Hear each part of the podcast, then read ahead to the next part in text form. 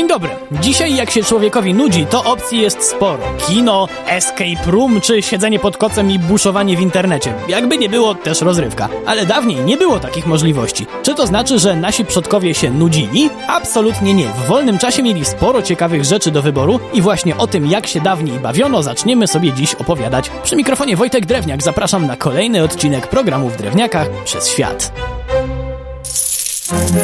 Żeby było jasne, lwią część naszych opowieści w tej kwestii będą stanowiły rozrywki bogaczy. Czemu? Bo tak to już jest, że jak się ma kasę, to imprezowy potencjał znacznie wzrasta. Bez grosza przy duszy to człowiek częściej jednak poluje na jakieś okazje w markecie niż na niedźwiedzia czy jelenie. W ten oto zgrabny sposób przeszliśmy do pierwszej kategorii rozrywek szlacheckich polowań.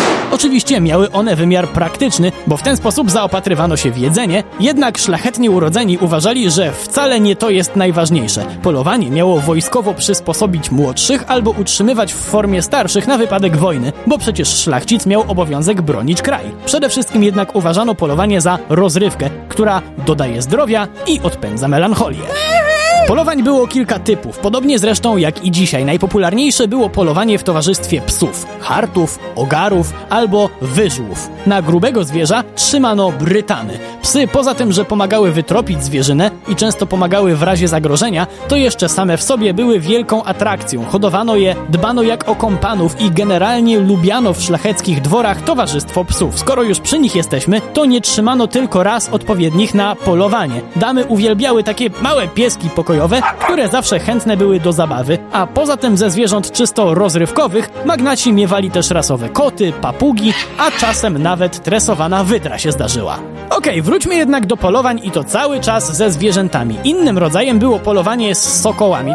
To była rozrywka niezbyt wymagająca, bo wymagała w sumie niezłego wzroku od pana magnata, no i jeszcze sprawnej jazdy na koniu, bo cały proces polegał na tym, że sokołowi wytrenowanemu przez zawodowca zdejmowano czapeczkę i on już sam ruszał za przepiórką, cietrzewiem czy zającem. A szlachcic musiał tylko nie stracić go z oczu i jechać za nim aż sokół wykona zadanie. O wiele bardziej wymagające było polowanie na grubego zwierza, czyli dzika, niedźwiedzia czy tam innego łosia. Na czym ten model spędzania wolnego czasu polegał? Służba ogradzała kawał lasu, do którego napędzała wcześniej tego typu zwierzynę, a panicze przyjeżdżali w zasadzie na gotowe. To znaczy trochę poszukać musieli, ale wiadomo było, że zwierzak jest gdzieś w okolicy.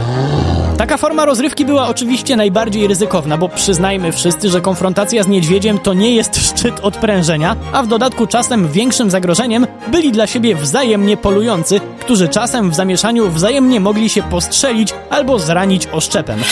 Nie ma się zatem co dziwić, że nie każdy szlachetnie urodzony miał ochotę na takie sporty ekstremalne i na przykład król Jan Kazimierz wolał zamiast grubego zwierza upolować sobie coś śliskiego, czyli łowić ryby po prostu.